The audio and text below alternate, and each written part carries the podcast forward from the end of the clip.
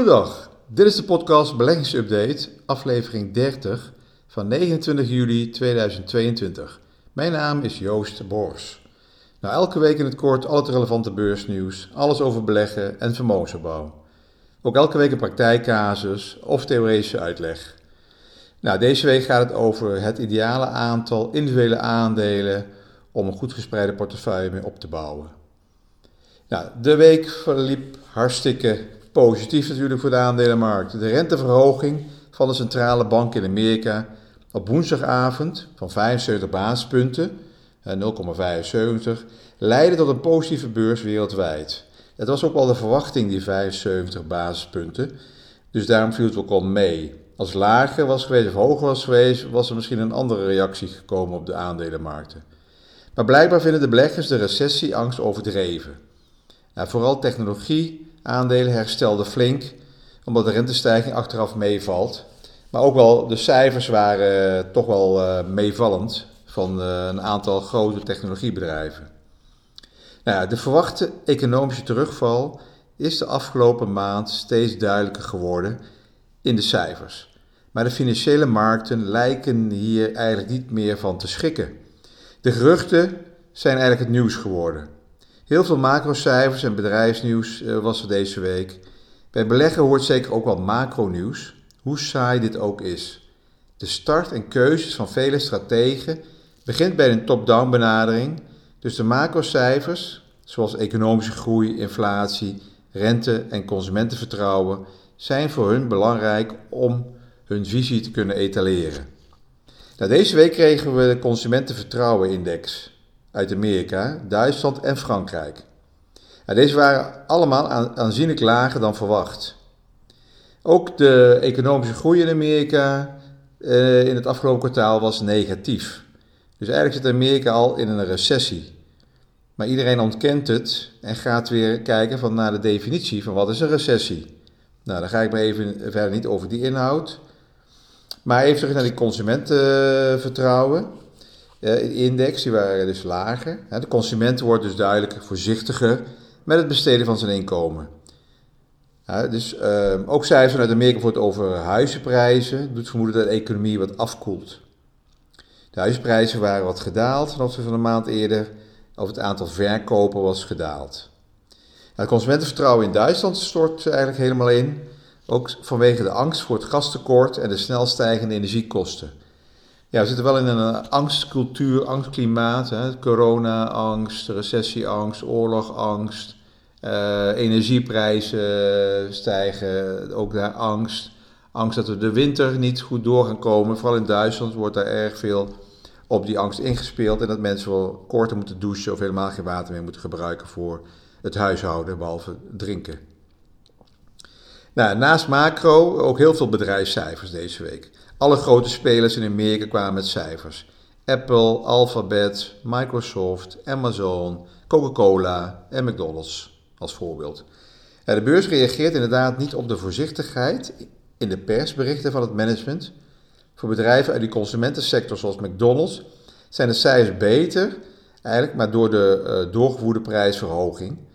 De vraag is hoe lang de consument die prijsverhogingen blijft accepteren. McDonald's ziet al een kleine verschuiving in het bestedingsgedrag binnen het assortiment. Hetzelfde zie je terug bij Unilever. De omzet van Unilever is in het tweede kwartaal gestegen naar 16 miljard wat meer is dan analisten hadden verwacht. De onderliggende omzet van het levende bedrijf nam met 9% toe, maar dankzij prijsverhogingen van 11% in de afgelopen maanden. Ook hier zie je door prijsverhogingen, die worden allemaal doorberekend aan de consument en daardoor vallen de cijfers voor het bedrijven nogal mee. Nou ja, de, de maker, Unilever, de maker van Calvé en de Durf, als een paar producten, denkt dat de hoge inflatie zal aanhouden dit jaar. Door de uh, corona en de oorlog in Oekraïne zijn de kosten over de gehele linie gestegen. Van transport tot, belangrijkste, tot de belangrijkste basisgrondstoffen als uh, plantaardige olie bijvoorbeeld. Toch verhoogt Unilever zijn verwachting voor de omzetgroei in 2022, uh, juist dankzij die prijsverhogingen. Dus de, ja, de koers van Unilever blijft, uh, blijft ondanks alle onheil dit jaar goed doen. Hè? Een defensief aandeel uh, in consumentenbasisproducten. Je hebt altijd die dingen nodig, dus het blijft altijd wel goed doen. Maar kan onder andere ook wel komen dat beleggers wat verwachten van de activistische belegger Pels, via, die via zijn fonds eh, Trine Management een belang heeft opgebouwd in Unilever en ook een zetel heeft in het bestuur van Unilever. En ik kan hierdoor wat strategische wijzigingen afdwingen. De grote wereldwijde banken, zoals Goldman Sachs en Morgan Stanley, gaven vorige week die aftrap van het cijferseizoen voor het tweede kwartaal. De markt is net zo geïnteresseerd in wat banken te zeggen hebben over de toestand van de economie en de kracht van de consument als in hun eigen werkelijke resultaten. De banken hebben immers een enorme hoeveelheid data, gegevens die binnenkomen van de Amerikaanse economie. En waar banken in het begin van het jaar nog in trek waren vanwege stijgende rentes, hebben ze uh, veel van hun voorsprong sinds het begin van het jaar alweer ingeleverd.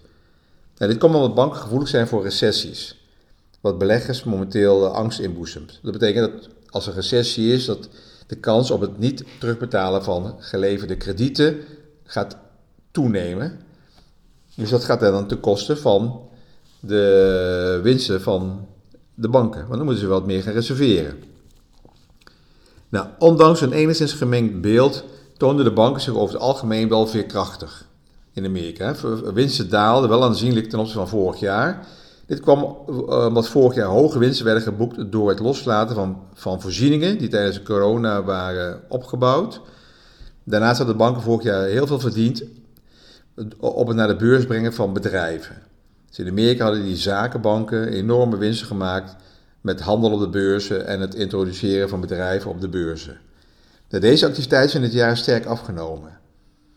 De stijgende rentes biedt soelaas, evenals hogere omzet uit handel door de zeer volatiele markt. Maar niet genoeg om de dalende winst te compenseren. Ja, dat waren de belangrijkste cijfers voor de grote banken. Hoe staat het dan met de consument ervoor? Banken en creditcardorganisaties bezitten belangrijke data, wat ik in het begin al zei, over het bestedingspatroon van hun particuliere klanten. En hierdoor, dat geeft hierdoor een goed inzicht in de totale economie. Ja, management van verschillende banken geeft toch al aan dat deze in uh, goede conditie blijft en dat een recessie door sterk teruglopende consumentenbestedingen niet helemaal aanstaande lijkt te zijn. Maar ja, die cijfers van deze week lijken wel dat er dus een uh, terugval is in economische groei.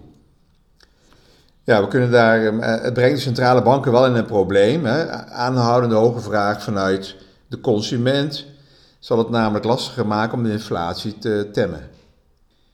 Nou, ik kom verschillende soorten beleggers tegen. Beleggers met een uh, portefeuille van individuele aandelen en beleggers met een uitsluitend beleggingsfondsen en of indextrekkers of een mengsel van beleggingsfondsen, indextrekkers en individuele aandelen. Nou, we hebben het net gehad over die bankaandelen die het wat minder deden, technologie die dit deze week weer wat herstelde. Als je een portefeuille hebt met alleen maar individuele aandelen, dan is het moeilijk om te kiezen welke sectoren of welke aandelen je moet, moet kopen. Maar vooral belangrijk is, wat is nu het ideale aantal individuele aandelen in een goed gespreide effectenportefeuille? koop je er maar één en daalt die dan, hè, had je Philips gekocht, uh, dan zit je toch wel in een probleem. Als je uh, alleen maar alles in Shell gestopt, dan had je het weer goed gedaan. Als je alleen maar technologieaandelen gehad, nou, dan had je ook een behoorlijke daling gehad de afgelopen 12 maanden. En zo kan je gewoon elke keer kijken naar hè, het beperkt aantal aandelen of een beperkte sector. Nou, wat is nou het ideale aantal? Sommige beleggers hebben wel een, een tiental beleggingsfondsen in hun pensioenportefeuille, uh, een half dozijn daarbuiten nog eens en nog eens 25 tal individuele aandelen. Dus een enorme brei van beleggingsfondsen, uh, individuele aandelen, um, allerlei combinaties. Er zijn gewoon heel veel beleggingen. Misschien hebben ze wel uh, 80 regels, verschillende regels in hun effectenportefeuille. Het probleem als je te veel fondsen en aandelen bezit, is dat je het eigenlijk makkelijk het totaaloverzicht verliest. Je begint als een belegger met een beleggingsdoel en een portefeuille die speciaal voor dat doel is samengesteld. En dan verander je in een verzamelaar die zijn doelstelling is vergeten. Dat zie je vaak bij beleggers. Hè. Dan beginnen ze gewoon met een mooie effectenportefeuille. Maar dan kopen ze daar nog wat van. En dan, horen ze, dan krijgen ze daar weer een tip. Op de golfbaan kopen ze ook dat aandeel. En zo verzamel je allerlei dingen bij elkaar. Ja, voordat je het weet heb je zo'n 80 verschillende aandelen in, in vele regels in je portefeuille en heb je geen idee meer waar het over gaat. Nou, wat aandelen betreft hebben verschillende studies uitgewezen dat een portefeuille voldoende kan worden gediversificeerd met uh, zo'n 15 tot 30 aandelen. In het boek uit 1930, The Intelligent Investor van Graham, Benjamin Graham, is uh, al dat uh, magische getal ergens tussen de 10 tot 30 namen genoemd. Maar ja, vroeger had je niet zoveel verschillende sectoren, verschillende aandelen. Aan het einde van de jaren 60 besloten John Evans en Stephen Archer dat uh, 10 aandelen volstonden, wat me heel erg weinig lijkt. Maar in de jaren 70, uh, Burton uh, Malkiel in een random walk down Wall Street in zijn boek, uh, die gaf aan dat 20 aandelen voldoende waren om een goed gespreide portefeuille te kunnen opbouwen. Maar dat zijn wel oudere studies uit een ver verleden, waarbij misschien de toegang tot de aandelenmarkt, de volatiliteit, het online beleggen, het ging allemaal veel trager. Het was allemaal saaier en trager en je had ook meer tijd om in te grijpen als er wat aan de hand was. Want het nieuws en de snelheid waarmee je tegenwoordig aandelen ziet stijgen en dalen, is van een hele andere orde. Dus de volatiliteit is veel meer toegenomen. Dus laat je eigenlijk niet misleiden door deze cijfers. Allereerst gaan al deze hoeveelheden uh, aandelenverhalen uit van willekeurige beleggingen. Maar beleggen is alles behalve willekeurig. Tenzij je je beleggingen kiest door met dartspijltjes naar aandelentabellen te gooien. We hebben allemaal onze eigen beleggingsstijl. Wat misschien belangrijker is, dat uit de recente studies blijkt dat de volatiliteit van aandelen de afgelopen decennia is gestegen. Daarnaast gedragen afzonderlijke aandelen zich anders dan andere uh, afzonderlijke aandelen. Daarbij gevolg dat het aantal, het, aantal aandelen dat je nodig hebt om de volatiliteit weg te werken misschien wel groter is dan 15. Ja, spreiden is risico mijden, zo luidt de bekende beurswijsheid.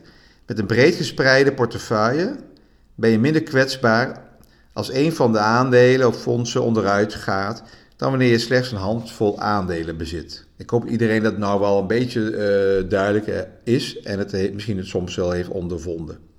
Maar als je zelf een portefeuille van individuele aandelen samenstelt, is het ook niet ideaal om heel veel aandelen te hebben. Dat heb ik in het begin ook gezegd. Hè? Je raakt het overzicht kwijt en het wordt lastiger om de markt te verslaan als je dat zou willen, dan wanneer je een paar heldere keuzes maakt. Wat is nu het meest ideale aantal? Hoe maak je de juiste keuze uit het enorme aanbod? Nou, 10 of 20 uh, individuele aandelen is echt te weinig. Als je in losse aandelen belegt, individuele aandelen belegt. Als er dan met één of twee aandelen iets misgaat, is er al met zo'n 10 tot 20% van je portefeuille een probleem. De kans dat het gebeurt is eh, best aanwezig. Een portefeuille met 30 eh, verschillende aandelen is volgens sommige studies het minimum. Nou, 40 is optimaal. Dus tussen de 25 en de 40 dan begin je echt te zeggen van nou, nu heb ik echt een redelijk goed gespreide individuele aandelenportefeuille. Ja, koop je uh, veel meer dan uh, 40, nou, dan moet je je als particulier belegger wel afvragen of dit nog wel in de gaten kunt houden en nog wel zinvol is. Nou, uh, uit die studies blijken dus als je met ongeveer 32 aandelen, of tussen de 32 en 35 aandelen, 95% van de totale diversificatie van aandelen te pakken kunt hebben. Dan komt nog het volgende. Spreid wel over verschillende sectoren. Voor een goede spreiding is het natuurlijk wel van belang dat je niet lukraak 30 aandelen selecteert, maar voldoende diversificatie in sectoren aanbrengt.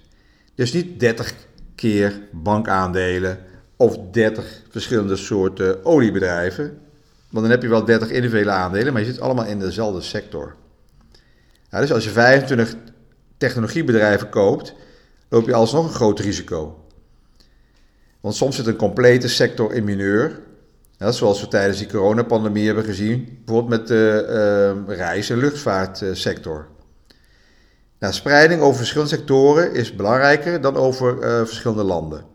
Aangezien veel bedrijven internationaal actief zijn, een portefeuille met 10 chip-aandelen uit verschillende landen is risicovoller dan een mandje met 10 Nederlandse bedrijven uit verschillende sectoren. En kijk ook goed wat een bedrijf doet, want de officiële sectorindeling kan misleidend zijn. Betaalbedrijf Atien is bijvoorbeeld ingedeeld in de financiële sector. Het is een betaalbedrijf voor financiële transacties. Maar dit aandeel vertoont meer correlatie met de technologieaandelen en met de Nasdaq. dan met uh, bijvoorbeeld ABN AMRO Bank. En uh, een ander voorbeeld, Amazon is ook meer een techbedrijf dan een consumentengoederenbedrijf, hè, retailbedrijf. Als je portefeuille bestaat uit Atien, Amazon en bijvoorbeeld ASML en ASMI, heb je optisch wel spreiding over verschillende individuele aandelen, bedrijven. Maar in de praktijk zit je toch een beetje gekoppeld aan een technologie-index. dus voor een sectorverdeling kun je een index als basis nemen. Van de MSCI World Index, die heeft een, eh, een hele mooie spreiding over alle sectoren in de wereld. En heeft voor de technologie sector een weging van 18% en is de energiesector wat minder sterk vertegenwoordigd. Als je 40 aandelen hebt, kan je bijvoorbeeld 8 technologiebedrijven en 2 energiebedrijven selecteren. Nou, zo moet je er maar een beetje mee spelen. Iedereen heeft zijn eigen keuze erin. En je kan soms misschien ook van al die sectoren, dus het zijn er misschien 11 hè, binnen zo'n MSCI World Index of een MSCI European Index. Je kan daar ook dan twee of drie sectoren weglaten als hun weging maar niet te zwaar is. Want anders heb je een hele scheve verhouding ten opzichte van de index. Oké, dank voor het luisteren. Alles op persoonlijke titel, geen direct advies en op basis van openbare informatie. Nou, de vraag kan je altijd stellen via mijn uh, e-mailadres uh, info.beleggingsupdate.nl en die zal ik dan ook wel beantwoorden. Tot de volgende week!